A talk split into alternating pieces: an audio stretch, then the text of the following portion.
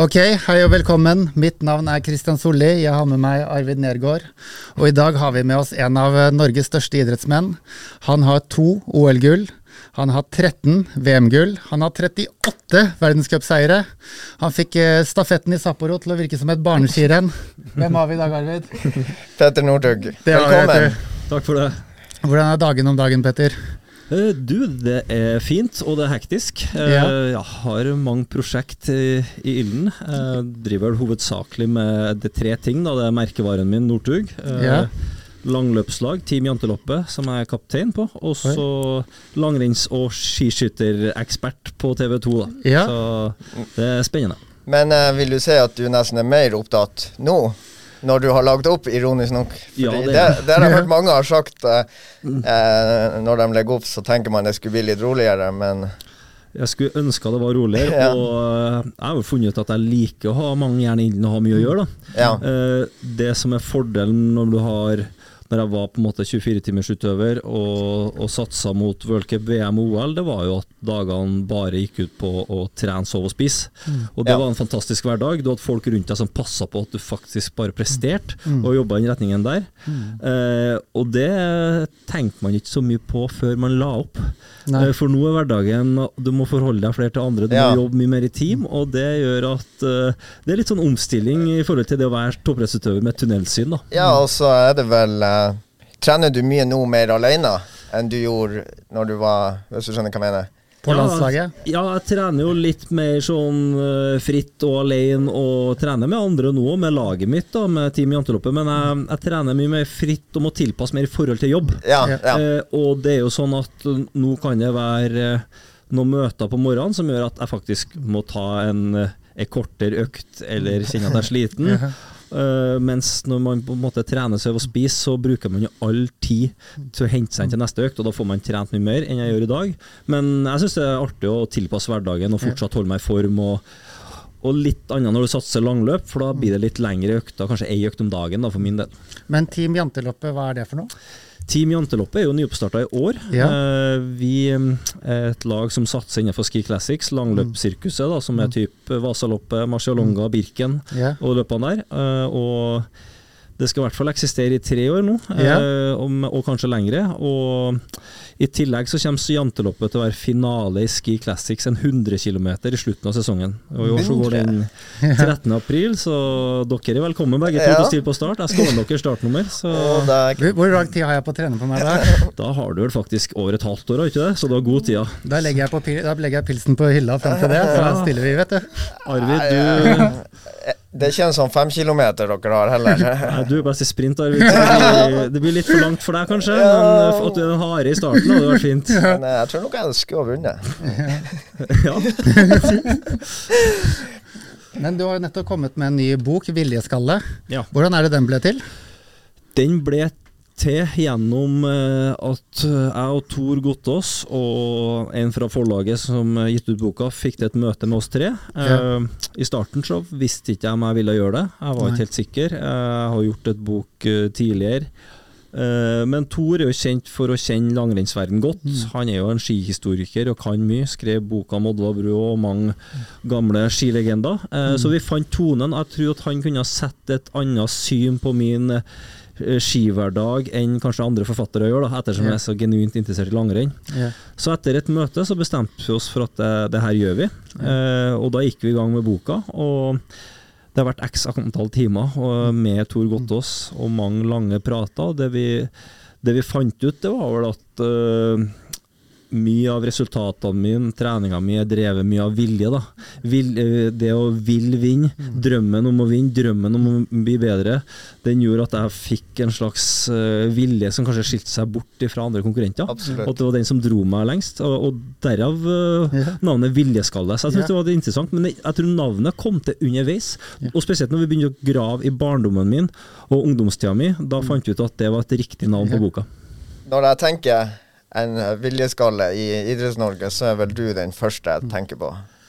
Eh, det skal du ha. Ja, jeg tror jeg har jo gått mye med følelsene utapå kroppen. Ja. Eh, og det er nok det folk har sett og fått opplevd, og kanskje derfor at eh, folk har fått vært med meg på opp- og nedturer gjennom at jeg har eh, vært så tydelig og, når jeg har vært glad og skuffa, og at folk på en måte har blitt med på reisen. Eh, Mm. Ja. Så jeg følte at det var et veldig fint eh, navn å sette på tittelen som en bok. Absolutt. Mm. Jeg leste litt eh, Jeg leste litt den boka, eh, den forrige du hadde, 'Min historie'. Mm. Eh, er det veldig forskjell? Du, du går vel litt inn på viljestyrke Mm. og, uh, i den òg? Ja, det er, jo, det er jo mer en sjølbiografi Ja. eh, og mye mer historie rundt. Eh, Ja. Det er også ei fin bok som jeg syns Jonas Forsang skrev bra. Veldig bra. Eh, og, og det gir et litt annet innblikk, kanskje, eh, enn Viljeskalle, som er litt mer fordyping, og kanskje mer inter interessant for løpere eller folk som har lyst til å, å ja, kjenne seg igjen i min situasjon. Hvordan ble jeg god? Hva gjorde jeg for å bli god? Det er ikke noen fasit, men eh, jeg tror det er mye å lære da, fra de valgene jeg tok fra jeg var ung, eh, og som jeg, gjorde fram til jeg vant mine første VM-gull, som var riktig, og som er Absolutt. lærerik. Apropos eh, viljeskalle, sånn, jeg tenker den eh, monsterbakken på Tour de Ski, Mm. det er vel en av de tøffeste testene for en ski, skiløp, i hvert fall fra oss som sitter fra sofaen og ser på. Ja. var, hvordan var liksom den mentale eh, gjennomgangen sånn Nei, det var Jeg syns Tour de Ski var jo en, en veldig interessant uh, konkurranse når det kom på programmet. Jeg, jeg, jeg kom jo, fikk jo mitt første år i Tour de Ski når jeg var første år senior. Da kom Tour de Ski inn i sirkuset og skulle liksom være en slags Tour de France i langrennssammenheng. Ja. Uh, på den tida uh, så var jeg jo en skiløper som kombinerte sprint og, og distanse, som var viktig i Tour de Ski da, for da var det veldig viktig å gå fort i sprint for å få bonuspoeng. Eh, og det var tyskerne som dominerte på denne tida. Det var Tobias Angrer som vant første året. Eh, så jeg hadde mye tøffe konkurrenter, men jeg syntes det var fryktelig artig å konkurrere over flere dager. Og så syntes jeg det var fryktelig spennende når det begynte å nærme seg monsterbakken. Og førsteåret vi skulle gå monsterbakken, så visste jo ikke folk hva vi gikk til. Dagen før så dro Frode Estil opp i bakken på kvelden og testa fella. Seriøst? Ja, det er jo ingen som gjør det i dag. I dag så er det jo lagt sånne traverser som går skillelengs, som gjør at du, hvis du har gått på fella, så har du tapt for mye tid. Så folk går på blankeski og skøyting. Men det var diskutert så mye rare scenario, så det her var jo så nytt i skisirkuset og worldcupsirkuset, så det her var jo veldig spennende hva vi skulle velge. Eh, Men det første jeg husker, at det var jo at vi var dritsliten før vi kom dit. Det har vært en lang tur, det var mye kjøring. Eh, Vi har vært i Oberhof, vi har vært i Praha og gått bysprint. Altså Logistikken rundt Tour de Ski på den tida var mye hardere enn gjennom blitt nå, dessverre. Jeg syns at Tour de Ski skal være hardt, og da var det tremil og mye tøffe konkurranser. Og så kommer han til begynner å nærme seg finalen, og på den tida så var veldig høye prispenger, topp ti. Og jeg husker jeg ble jæklig nervøs når jeg satt og så hva faen, vinneren av Tour de Ski for 1,4 millioner, og så er det 1 million på andre, 700 000. Og da begynte jeg å tenke på den når jeg lå og kjempa med sånn tredje-fjerdeplass her. Oh, ja, det Oi. kom i hodet ditt? Ja, det begynte å komme i hodet Ja. mitt. da. Eh, og på den tida så hadde ikke jeg gjort meg opp mye penger på skigangen, så det husker jeg tenkte vanvittig mye på. jeg er kjip å gå glipp av den millionen, da. Og det kunne Ja. komme midt i løpet òg. Ja, det tenker du på. Ja, det gjorde det. du Nå har det, ja. jeg mye bra topplasseringer og pallplasseringer i Tour de Ski som var gøy å få med seg. Ja. Men nå tenker du absolutt på det. Man Ja. gjorde det, For det var nytt i langrennssammenheng. At det var så mye prispenger uh, for ett løp. Så det var litt spesielt med Tour de Ski. Nå har jo f.eks. prispengene blitt halvert. Har du det? Har de det? Så når eh, Så de, Så kan man jo stille seg et spørsmål til hvorfor. Jeg tror det har litt med at uh, vi hadde tyskere som var med i toppen. Ja. Ja. Vi hadde eh, tysk sponsor gjennom Fisman som sp- sponsa World Cup langrenn. Eh, og så kanskje nå er det litt dalende. Og så ser man jo også det at dessverre da Tour de Ski blir nedprioritert av løpere fordi at de skal lade opp til mesterskap. Jeg mener at skal man ha Tour de Ski, så må Ja. alle de beste stille på Ja. start. Og det gjorde vi før, og det gjør vi ikke nå. Nei. Men jeg ser jo òg, ironisk nok, at det er til og med nordmenn som har begynt å klage på at vi nesten er blitt for gode.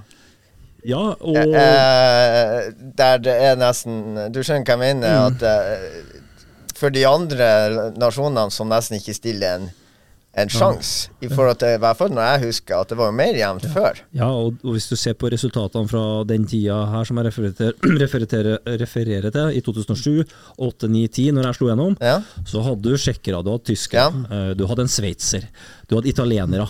Det var mange nasjoner oppe i toppen, sånn som vi vil ha det. Ja. Interessen var stor. Ja.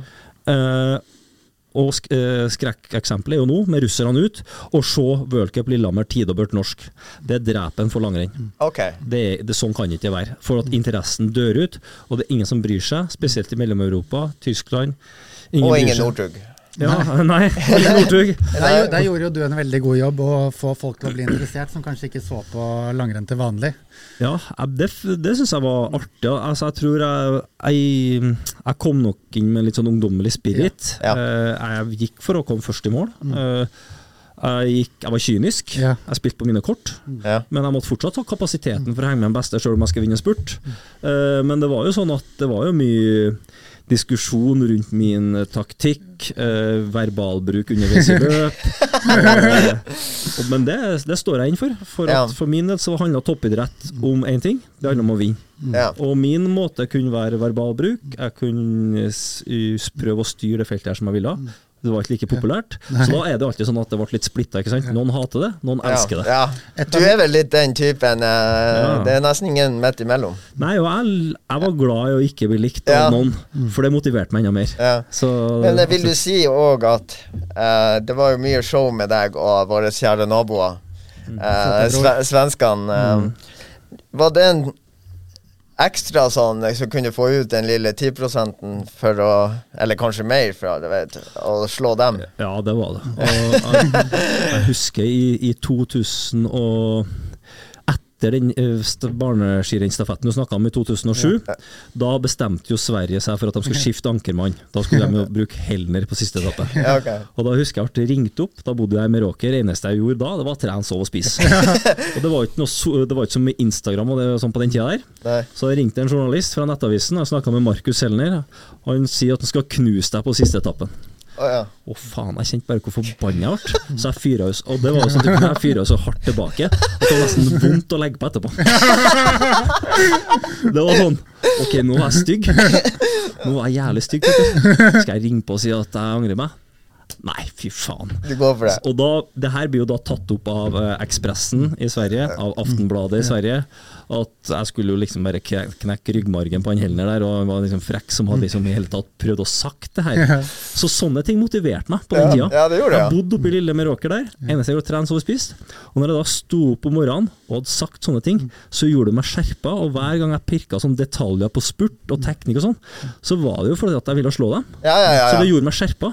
Ja. Og da tenkte jeg sånn, hvis jeg òg da melder litt sånne ting, så er det meg ok, da gjør det meg sånn faen, nå har du sagt at du skal vinne. Ja. Da må du òg sørge for at du gjør det at du kan sette deg i en posisjon til å vinne på trening også. ja. Fikk du høre noe fra de andre svenske løperne? Sånn, jeg husker f.eks. den der hvor du var mot han Halvorsen eller Kalle, eller hva han Ja. heter.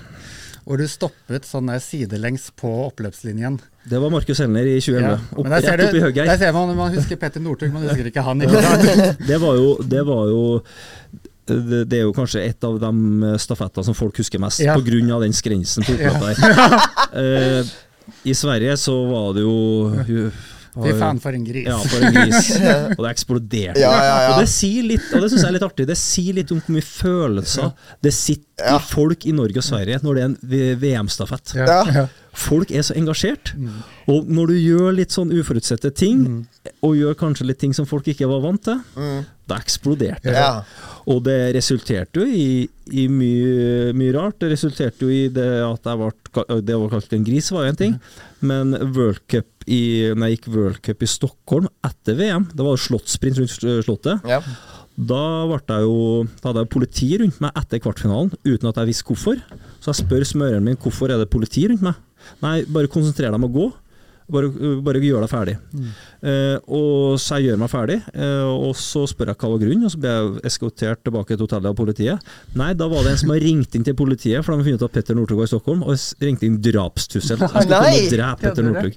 Og det her var på grunn av det som skjedde i VM og stafetten, ikke sant? Det var så mye følelser blant Ja. folk. Eh, og det sier jo litt om Ja, at er da var det action langrenn. Så jeg tenkte litt sånn tanken, jeg begyn- Nå begynner faktisk langrenn å bli interessant. Ja, nå smeller det. Så det, ja. Kunne vi sett en sånn der eh, Du vet, nå er det jo for, på, pro, eh, populært med sånne folk som bokser hverandre. Kunne vi ha sett deg mot en av de svenskene i boks, bokseringen? det er mot Markus Heller i ringen. Jeg tipper Markus han er jo den rolige og, og, og sindige. Han tror ikke jeg har fått med ringen. Kalle Halvorsson? Ja. Han hadde stilt på sekundet. Han holder noe grudge mot deg. Ja, og da tror jeg det har blitt en artig kamp. Ja, Ja, den kunne vi ha tatt Vi måtte ha hatt én kamp i Stockholm og én i Oslo. Ja. Så det hadde vært veldig artig å få en boksekamp der. Nå har, vi, nå har vi satt i gang noe her. Ja, nå, nå fikk jeg noen rare bilder oppi hodet mitt. Det har vært artig. Men eh, sånn eh, Svenskene var jo veldig Det var jo en periode der de hadde Zlatan Ibrahimovic, eh, og vi hadde liksom deg. Ja, Eh, du skjønner hva jeg mener? ja. ja. Og nå, jeg kan fortelle en artig historie om Zlatan. Ja, gjerne. Ja, gjerne. Uh, det her var også under slå, uh, På slutten av sesongen i mars, så var det den her Slottssprinten i Stockholm. Ja. Det var un samme år som det var åpning av den Hva heter det nye stadion til Sverige nå? Friends Arena. Friends Arena. Ja.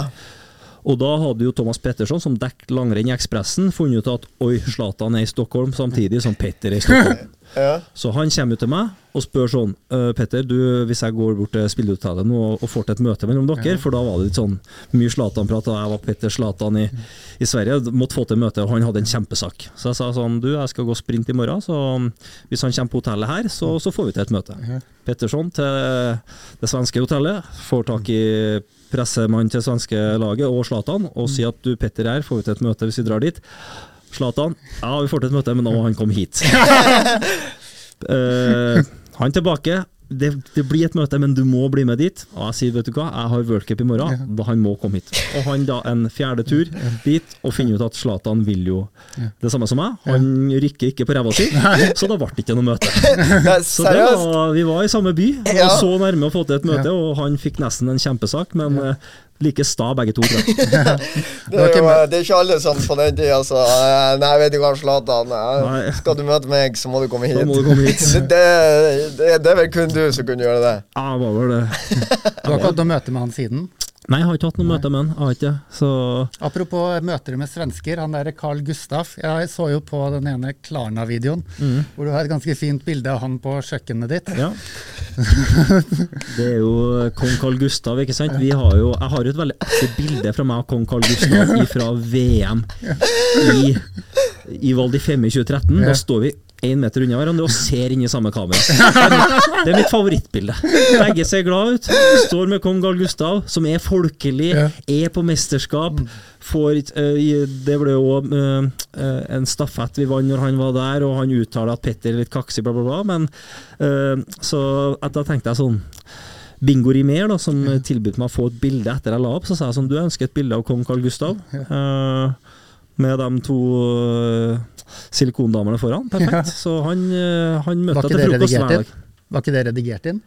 Jeg tror ikke, jeg håper ikke det. Kjenner vi Carl riktig, så er det ikke det. Nei, jeg tror ikke det. heller. Men opp gjennom årene så har jo du òg blitt Hvordan kan man si det? Også et figur på at man er menneskelig. Man gjør tabber i livet. Man eh, Ja, ting skjer i livet. Mm. Eh, den uh, Det er i hvert fall som jeg husker best med deg, er måten du løste deg etter eh,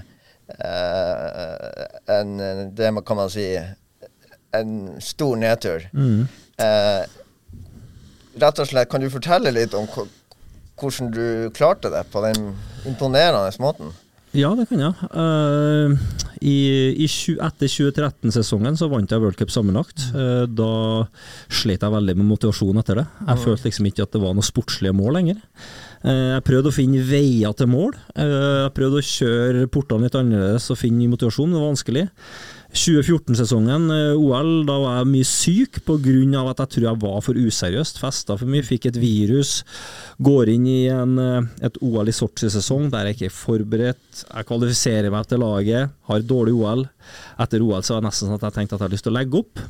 For jeg var ikke, eh, jeg var ikke påskudd. Det var ikke den Petter som det var før Nei. VM i Trondheim. og sånn. selv litt. Ja, jeg- motivasjonen var ikke til stede. Jeg våkna ikke opp om morgenen og hadde lyst til å, å bli bedre og lyst til å gå fort på ski. Og så øh, skjer jo en fadese med en fyllekjøringepisode 4. mai, da. øh, før øh, Etter denne OL-sesongen. Og da er man jo på en måte så langt Plutselig da går man jo fra ikke bare å være mot, ikke motivert, men man går jo til å være på en plass i livet man ikke har lyst til å være i Norge lenger. Nei. Og da får man jo en ordentlig eh, møte med veggen og, og begynner å reflektere over ting om hvorfor ting har blitt som det har blitt. Og det var ikke noe feil, var ikke noe feil å si at jeg var på feil plass på den tida der. Men eh, jeg fant jo da ut, etter jeg fikk møte familien min eh, etter hendelsen, dem som sto tettest med meg, eh, at eh, det jeg ønska overfor dem da, og meg sjøl, det var jo å komme tilbake. Ja. Eh, så det var et ganske sterkt møte når vi møttes en, en og en halv dag etter hendelsen. Når vi måtte bestemme oss i lag på at jeg skal satse mot VM i Falun. Mm. Og da bare gikk det som en slags sånn Da gikk jeg i den bobla som jeg var før VM i Oslo. Eh, fra den fra det minuttet der til etter VM i Falun, så var jeg i den samme motivasjonsbobla der jeg kjente meg igjen sjøl og gjorde alt riktig. Okay. Eh, og da ble det jo en, selvfølgelig en perfekt eh, slutt på den epoken der. Selvfølgelig var jeg Så kan du si at dessverre så skjedde det det skjedde, men det resulterte også i at jeg fikk et fantastisk år med VM i Falun. En fantastisk opplevelse, og, som ble mitt beste mesterskap med fire gull. Ja. Så det var en helt sinnssyk opplevelse. Det som også var litt trist, det var jo at etter VM i Falun så var det tilbake igjen at jeg var vanskelig Altså, nå har jeg opplevd alt, følte jeg. Ja, Det var liksom ikke mulig å hente mer motivasjon. Nei. Ja, 2016 var en bra sesong, men det var mer en bra sesong for at jeg var så glad for at det gikk så bra i VM i Falun. ja. Ja. Nei, det er helt rått. Det er jo Mm. eh, Men brukte du da den negative eh, situasjonen som skjedde, for å liksom hente enda mer eh, For sånn, Da hadde du liksom eh, ja, Mhm. ting mer imot deg, så da var det, var det en fin eh, måte å liksom hente, hente motivasjon på. Da. Nå skal jeg vise dem. ja, og da er vi litt tilbake til kanskje viljeskallen Petter igjen. Da. Ja, Eh, mot, motbevis. Eh, motbevis at folk har feil. mm. Eh, jeg vet at jeg kan. Ja. Og så er jeg god i pressa situasjoner. Ja. Ja. Eh, Jeg hadde et veldig press på meg det året. her. Mm. Peter liksom, han er ferdig nå, han er helt ut, og han kommer ikke tilbake. Det er ofte da jeg er best. Mm. Ja. Ja. Når jeg havner i sånn bås. ja. Eh, og jeg var sterk fra sommeren, jeg var sterk gjennom høsten. Jeg var mentalt veldig sharp. Jeg gjorde ting riktig. Det var liksom, som jeg sa, hvert minutt var igjen viktig for meg igjen for å da skulle prestere mye den sesongen der. Og det var artig at eh, jeg kom tilbake dit igjen. Og så var det synd at det måtte en ordentlig fadese til for Ja. at jeg skulle komme dit igjen. Da. Men sånn Ja. var det, og, og sånn ble det. Ja. Den andre fadesen, hvordan var det å gå gjennom den? Eh, nei, det var tøft, det òg. Ja. og så tror jeg det er to forskjellige ting eh, man legger opp. Man har hatt en lang karriere. Ja. Man, har, man er lei av toppidrettslivet. Man er lei av å være Petter Northug. Ja. Eh, man er lei av alt maset rundt Ja. seg. Man har lyst til å på en måte bare ta en pause fra livet og bare ha det gøy, og kanskje ta igjen det tapte, Ja. ha litt ungdomstid. Eh, ja. ja, for det er vel noe du aldri har hatt, ei ordentlig sånn. Eh, Der andre kanskje var russ, eh, eller sånne der ting, så måtte vel du eh, egentlig legge bort mye ja, mye av det. ja, men jeg ville ikke være det heller. For jeg var så motivert, og idretten betydde så mye for meg Mm. i ungdomstida at det var ikke noe f- For meg var det ikke en fristelse engang. Nei, og, men Det var, det, ikke- var ikke en eksisterende fristelse. fristelse. sånn som i nord eh, Jeg var ikke russ heller, fordi eh, jeg det er jo det er jo ikke det er ikke sånn, det er ikke sånn russekultur eh, Nei, nei. der oppe. Jeg fikk førerkortet, og da var ditcha hele russetida. Ja, nei, jeg var ikke i hele tatt uh, noe glad i å være verken sosial eller uh, drikke alkohol eller dra på fest når jeg var på den tida her. For at idretten ga meg så mye. Ja. Det var liksom det, det som ga meg kick i hverdagen, var det å prestere på både trening og konkurranser. Så det, det følte ikke jeg noe på, men jeg følte nok gradvis på det etter sånn Etter jeg var 25, etter VM i Oslo. Da ble jeg mer nysgjerrig på det sosiale livet. Mm, Og så fikk man jo smaken på det. yeah. Og så ble man jo veldig glad i å gjøre noe annet etter man la opp. For da hadde man ikke Da levde man kanskje ikke et normalt liv, men da følte man at man kunne ta igjen litt yeah. tid og faktisk bare ha det gøy, da. Mm. Eh, og sjøl om det ble, gikk for langt, så var det gøy, og det var en lærerik opplevelse å få med seg det også. Jeg føler det er lov å gå litt, eh, gå litt på rumpa noen ganger. Også, det er en del av å være menneske, ikke Ja, sant? det er det. Og så er spørsmålet hvordan man det er det. Og så er spørsmålet hvordan man reiser seg etter Ja. Ja. nederlagene. Hva man gjør man i nederlag? Hvordan uh, takler man nederlag? Hvordan uh, lærer man av det? Hvordan peker man ut retningen videre? Det er jo det viktige. Absolutt. Og det som sett- definerer meg. sett, eh, du, du spilte jo litt poker mens du holdt på som skiløper. Mhm. Og også da mener jeg så at du skulle ta opp det etter at du hadde lagt opp. Ja. Har du gjort det? er du fortsatt aktiv der? E- Ja, egentlig så var jeg mer glad i å spille poker når jeg var aktiv. Ja. For det var mer sånn avkobling Ja. fra all trening og sånn. Og kjent, jeg var glad i å være for meg sjøl, jeg kunne sitte og spille på nett. Ja, det var sosialt å være med andre òg, men det er liksom, du kunne koble med andre ting som var konkurranse. Ja. Eh, og for meg så var det et spill man kunne forbedre, bli bedre i. Man kunne se og lære av andre. Så det syns jeg var spennende med pokeraspektet. da. Ja. Så jeg syns absolutt at uh, fortsatt poker er spennende. Men jeg har ikke den samme teften av å spille turneringspoker øh, og være like motivert og sette meg ned på en PC nå som jeg var da. Men jeg Det syns det var fryktelig spennende. òg. Ja, du må sette av tid til det. Ja, ja, du må ha tid til det. Det er det absolutt. Det, Det- koster, det tar mye tid i hverdagen din hvis du skal bruke mye tid på kort. Også. Ja. Hva er ditt favorittspill i poker, da? Eh, mitt favorittspill er vel firekorts Nei, hva skal jeg si? Fire-femkorts PLO. Ja. En miks mellom det. Det syns jeg er gøy, og så syns jeg Texas Hold'em er litt for kjedelig, da. Ja. Eh, men fire-femkorts PLO, det er veldig artig. Arvid er jo ganske dreven blackjack-spiller. Ja, kan det litt. Ja. Men uh, poker er jo uh, mye mer uh, vinn i lengden. Ja. Ja, det er jo et maraton, det òg. Ja, ja, Det er et skikkelig maraton. Jeg vært, eh, jeg hadde jo Vimen som sponsor. Vi dro jo over til Vegas og spilte VM i poker. Og det å sitte flere dager i strekk, eh, det er en skikkelig mental prøve, det, altså. ja. ja, det og tror det jeg på. ikke, det å klare å være fokusert, ikke bli slapp og død. Så jeg skjønner jo at eh, det krever sin mann hvis du skal være en god turneringsspiller over et helt år. Ja, fy fader, altså. Jeg tror jeg hadde Jeg vet ikke om jeg hadde hatt eh, temperamentet til det, altså. Å omstille seg. Nei, Det er brutalt, og det går jo veldig sakte å spille Ja. eh, live og versus Så nett. sitter man der med en sånn tørr gjeng rundt seg som uh, sitter og Ja, konsentrerer seg dypt. Sitter nå og kikker inn i øynene. på Ja. Ja, da er det til å få vondt av, vet du. Men tilbake til eh, langrenn. Har, har du liksom et favorittløp som du, eh, som du gjorde? Eh, ja, så har jeg favorittløp, det har jeg. Eh, jeg har uh, tremila i Davos i, i 2011, før 2012-sesongen. Da vant jeg tremil i Davos med 50 sekunder. Sånn Jeg kan plukke ut kanskje tre løp i karrieren min der jeg har gått ganske mange skirenn, men tre Ja. løp der du bare sånn Du rister på hodet ditt og går det an å Ja. gå så fort? Eller ha så god dag? Der kroppen spiller på lag. Ja. Det var ett av dem. Og så var det en 15 km i Latti i 2013, der jeg vant med var det 45 sekunder. Så de to løpene der husker Ja. jeg som mine sånn favorittløp. Men klart sånn følelsesmessig så har du VM i Oslo og en del andre løp som jeg rangerer langt foran. Ja. Men eh, av topp tre opplevelser der alt klaffer, Ja. der har du Davos 1 der og Latti 2. Hva, vil du si uh, tidenes uh, norske uh, vinteridrettsutøver? Bakom meg. Ja, selvfølgelig, altså. ja, men vi er, uh, let's get real, liksom. Jeg bruker å si For meg så er det Innenfor langrenn så er det det som er viktigst å ha, det er femmilsgull internasjonalt. i Ja. OL. Der er jeg fire. Ja. Ja. Det er vel ingen nordmenn som har tre. Nei. Setter dere ned alle sammen. Men uh, klart, det vi, det som er forskjellige lø typer løpere det er for, jeg vi har så mange, altså, for meg så var Bjørn Dæhlie et forbilde, selvfølgelig. Ja. Han var et O2-troll. En helt annen type skiløper enn jeg. Ja. Eh, Thomas Alsgaard var mer en sånn taktiker, en mer type løper som jeg var. Ja. Eh, og som òg var et forbilde. Jeg likte Per Elofsson. Uh, Sjøl om han var svensk, så var han også et forbilde. Og så eh, liker jeg jo veldig eh, Johannes Klæbo, det han driver med. Uh, Han han, er er, helt rå. han er viktig for langrenn. ja, han er Han er, han er helt rå. Han, han trenger vi i sirkuset. Ja. Altså. I det vi sa i stad, vi, vi må sørge for at langrenn ikke blir en døende sport. Ja. Ja. Liv. Og da trenger man typer som Klæbo.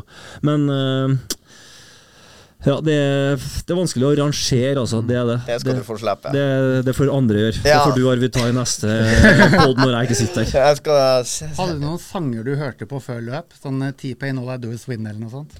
Jeg hadde sånne gamle sånn MP3-spillere før, som jeg hørte på før start. Som Walkman, jeg, ja, sånn, nesten sånn MP3-spiller Ja. med, med kabel og Ja. hørt på headset. Sånn var det jo før. Men eh, jeg er ikke en sånn type som hører på mye musikk på trening og sånn. Jeg er mest glad i å ha, ha lyden påskrudd Ja. sjøl og Ja. Mm. høre ting. For det er så viktig for oss som, er, som skal høre etter beskjeder og høre ting i feltet. Ja, ja, ja. Du er årvåken. Jeg skjønner at folk trener med det på, Ja. på treningssenter, Ja. men jeg er ikke så glad i det. Så det er nok litt smak og behag. Jeg er mest glad i å høre på musikk når jeg Jeg slapper av. Hvis jeg personlig trener, og så bruker jeg å ha musikk, for hvis jeg går der og babler, så blir det lite gjort, altså. Mm. Ikke at jeg er noe sånn uh, treningsnarkoman, men uh, ene gangen i året jeg tar meg en, en tur innom Sats, så Ja, ja. Nei, det, var, det var jo et diskusjonstema, spesielt blant den eldre garde, at uh, er det bra å trene med musikk, eller er det ikke bra? Nei. Mange mener jo at, det, at du skal lære deg til å trene uten musikk også, Ja. at det er bra.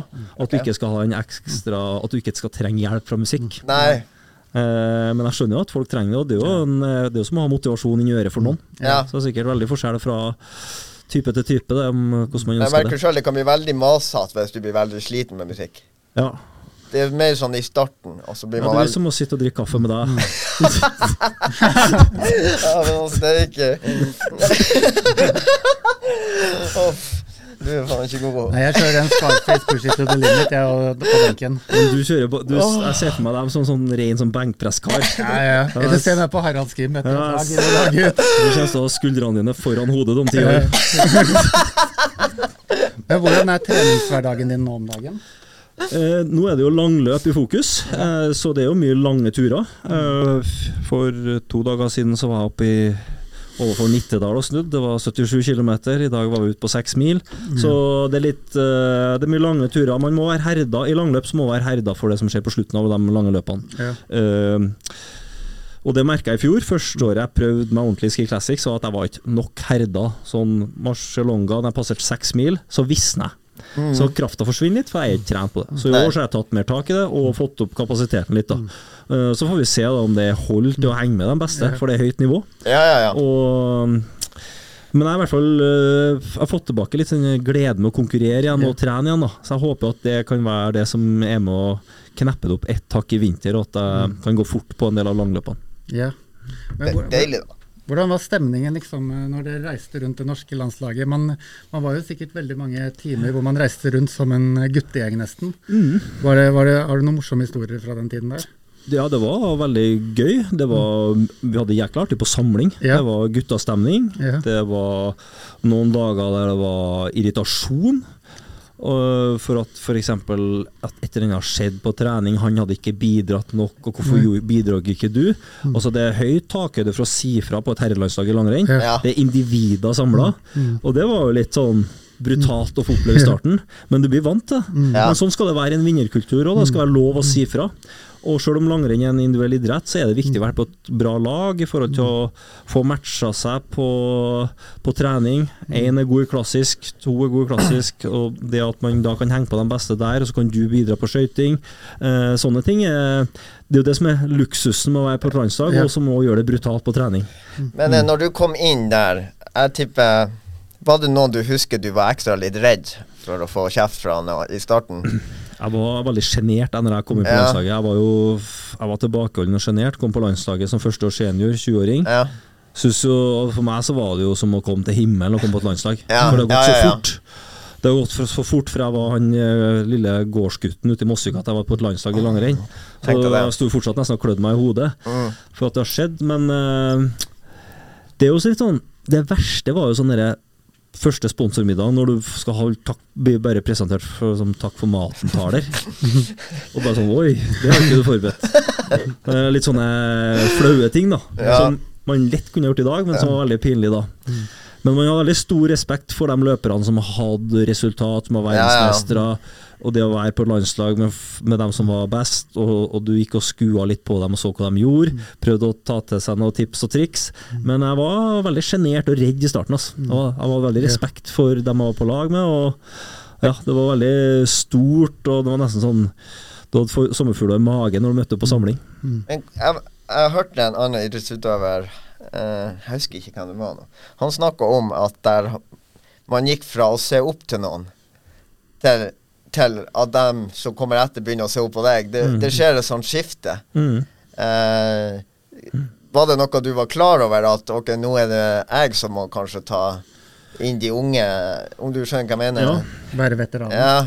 Når jeg, og når jeg kom inn på landslaget, så var det mye eldre folk. Ja. Du hadde uh, Anders Haukland, Oddbjørn Hjelmeset, Frode Estil. Det var, det var den eldre garde. Det var ganske Mm. langt sprik fra meg som 20-åring opp til dem. ja.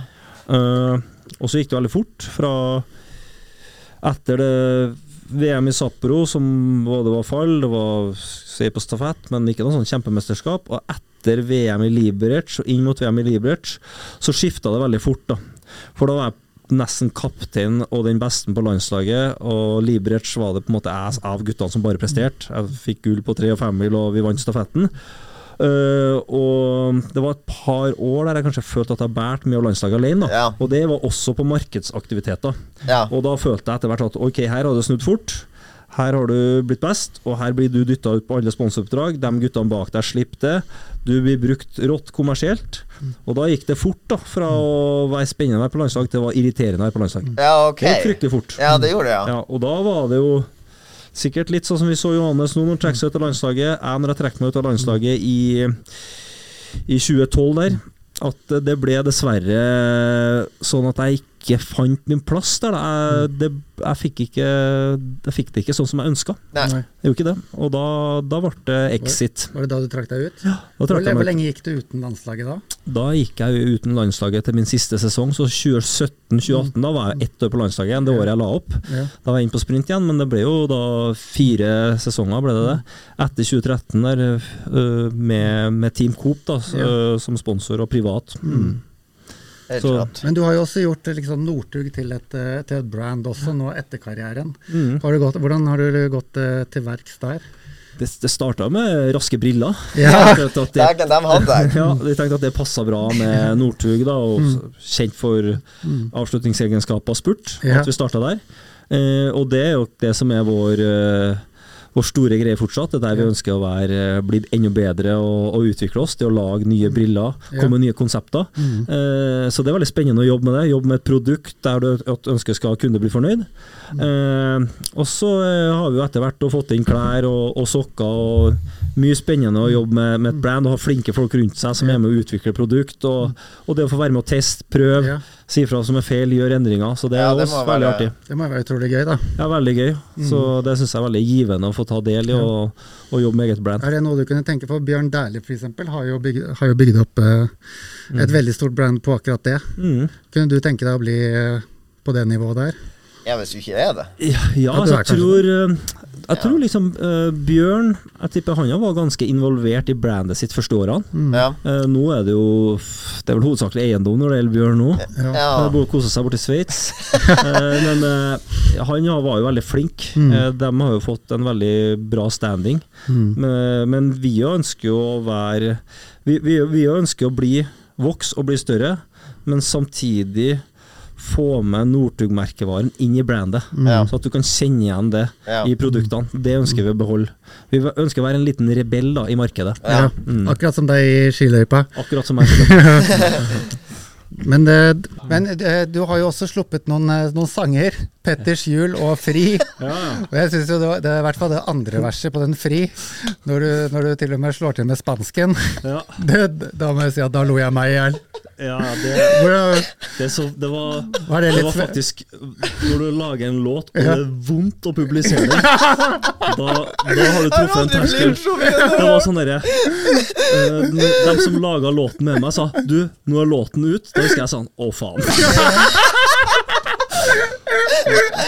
Det var, det var vondt å gi ut Petters Skjul.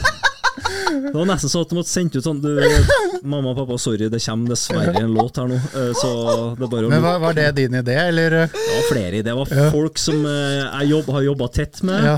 Uh, en som heter Per Magne, som heter Ja. kameramann på Insta. Må gi han Ja. litt creds, da, for han var med og skrev Shout ned låten. Shout-out til han. Eh, han er jo gal, så han var med og laga denne teksten, og klart det var en slags sånn Hvor, skulle vi legge oss her nå? For det var jo etter en, eh, en hendelse der vi måtte, måtte beklage oss litt og ja, si at vi ikke har vært snill gutt, og liksom hvor var terskelen her? Og med, når, når musikkvideoen ble lagt oppå det her i tillegg, Ja. da, ble det, da ble det for mye for meg. Også. For når du sto på den der yachten der og dro den der 'Fri', det Ja, det, det er sang nummer to. Det er fri. Ja. Jeg, da fikk vi jo Det var jo sikkert en av eh, En av de spanjolene som han Per Magne ligger med, da, for det bruker å være dem som blir med i sånne musikkvideoer. Eh, Da var det jo det uh, jækla artig med med, med fri. Men det jo var da, da, da følte jeg liksom Etter at jeg sluppet Da følte du deg fri? Ja, etter at jeg sluppet Petters jul, så har jeg liksom brutt en terskel. Da kunne det liksom ikke bli så mye verre. Eh, men, men det passa bra å slippe en jævla kritisk sang til, og fri. Ja. etter å ha sona en sju måneders dom. Kunne jo ikke, passe bedre det på sommeren der. Så vi håpa å lage en sånn litt sånn good vibe-låt. Du vet han rapperen Gucci Mane, han, han har jo et par låter som heter First Day Out. Ja. Så det, din Fri var jo på en måte din eh, versjon av det. Ja, det var det. En norsk versjon. Ja, Så, Nå er jeg ute. Nå er jeg Rett ut av jaileren, så ja, rett ut av vi det. traileren, komme ut på sjøen, være med spanske damer. Så Der var vi jo litt spent på hvordan den ble tatt imot, men, jo, Men det, det var stort sett good vibes, altså. ja, ja, Men det ja, men det- det blir det jo som regel når du hiver deg rundt, da. Ja. Men det, det alle lurer på nå, norske folket, er jo om du mistet såpen i fengselet. Uh, nei, det gjorde ikke jeg. Uh, da har ikke jeg sittet her, tror jeg. Da har jeg skamma meg, men nei, det gikk bra, faktisk. Ja, ja. Det er godt å høre det. Det, er det det hele Norge lurer på? Men eh, var det um, Hvordan var Var det et sjokk? Jeg vet ikke hvordan var det soning Ble det hjemmesoning? Jeg sona på institusjon, Ja. jeg gjorde det. Så det var Det var ikke sjokk, men det var tøft, da. Ja. Det var litt sånn Klart, litt sånn militært, rutiner. Eh, ganske lenge. Ja. Eh, du fikk liksom ting til å tenke over ting. Du fikk planlagt hva du skulle gjøre etterpå. Du fikk reflektert hvorfor du var her. Så det var fint òg. Ja. Det var brutalt, det var fint, det var lærerikt. eh, og det var òg en eh, fin tid i livet der jeg fikk samla meg litt. Ja. Ja. Så det, jeg ser på det som en, egentlig en veldig fin periode altså for, å, for å lære litt og, og komme ut som en bedre utgave av meg sjøl. Ja. Ja. Og Da, da funker det jo litt eh, det skal gjøre, det, da, på en måte. Ja, det skal det. Det er jo sånn det skal fungere. Ja. Og så er det jo det at man føler at man lærer noe. Ja. Det er viktig. Det, er- det er ikke dit man vil igjen. Nei. Nei, det er ikke det. Og så tror jeg det, sånn, det skal jo være sånn òg. Man Ja. skal lære. Hvis Ja. ikke så er det jo Har ikke vært riktig. Nei. Nei. Men du fikk, eh, du fikk komme hjem til jul hos mor. Jeg gjorde det. Jeg fikk Ja. komme hjem og til, til jul. Jeg fikk ribbe, som jeg bruker å få. Ja. Uh, jeg er fortsatt dårlig med gaver, men det har vært egentlig etter jeg passet fem-seks år. Ja. Uh, det er liksom sokker og sjampo fra tante og sånn, men det, Skal ikke undervurdere det skal ikke undervurdere. det. Det er greit å få den der dobbeldusjen, for den funker på alt. Men, men, men klart, jeg er blitt så gammel nå at når jeg, Ja. på jul så får jeg det samme hvert år. Ja, ja, ja. Det er ikke noe surprises. sokker. Nei, Blir jo. Northug-sokker. Ja, det blir Northug-sokker ja, og sjampo, Så Ja. Men apropos fengsel og sånn, hva, hvis du hadde fått eh, dødsstraff og ditt siste måltid, vet du hva det hadde vært? Oh, er- nå, nå snakka jeg nettopp om ribbe, så jeg fikk jækla lyst på det. uh, og så hadde jeg en sånn spesiell rett som vi fra bygda kjenner til, som jeg var glad i da jeg var liten. Det heter kløbb og dop. Eh, Kløbb og dop? Ja, kløbb og dop. Klubb og dop? Ikke, kløbb, ikke kløbb og dop, nei, men kløbb og dop. Det er da en sånn brunostsaus Ja. som du har oppå denne doppa som er laga av Nei, som du har oppå den klubben da, som er laga av potet og sånn, så du får google det.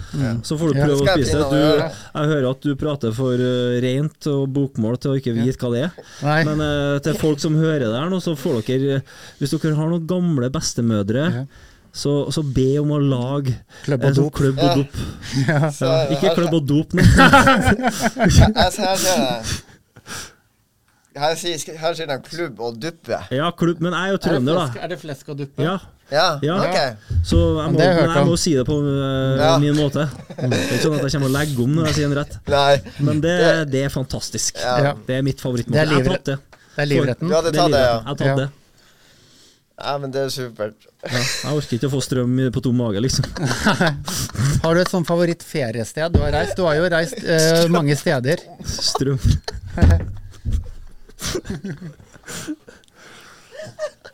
uh, Favorittferiested? Jeg vet ikke. Eh, jeg må bare vente til Arvid har fått, uh, fått nok oksygen til hjernen her. Litt profesjonell nå, mister. Det var så der hardt. Altså, jeg har jo vært uh, Jeg har vært på så mye harry plasser. Mallorca, Gran Canaria, Tenerife.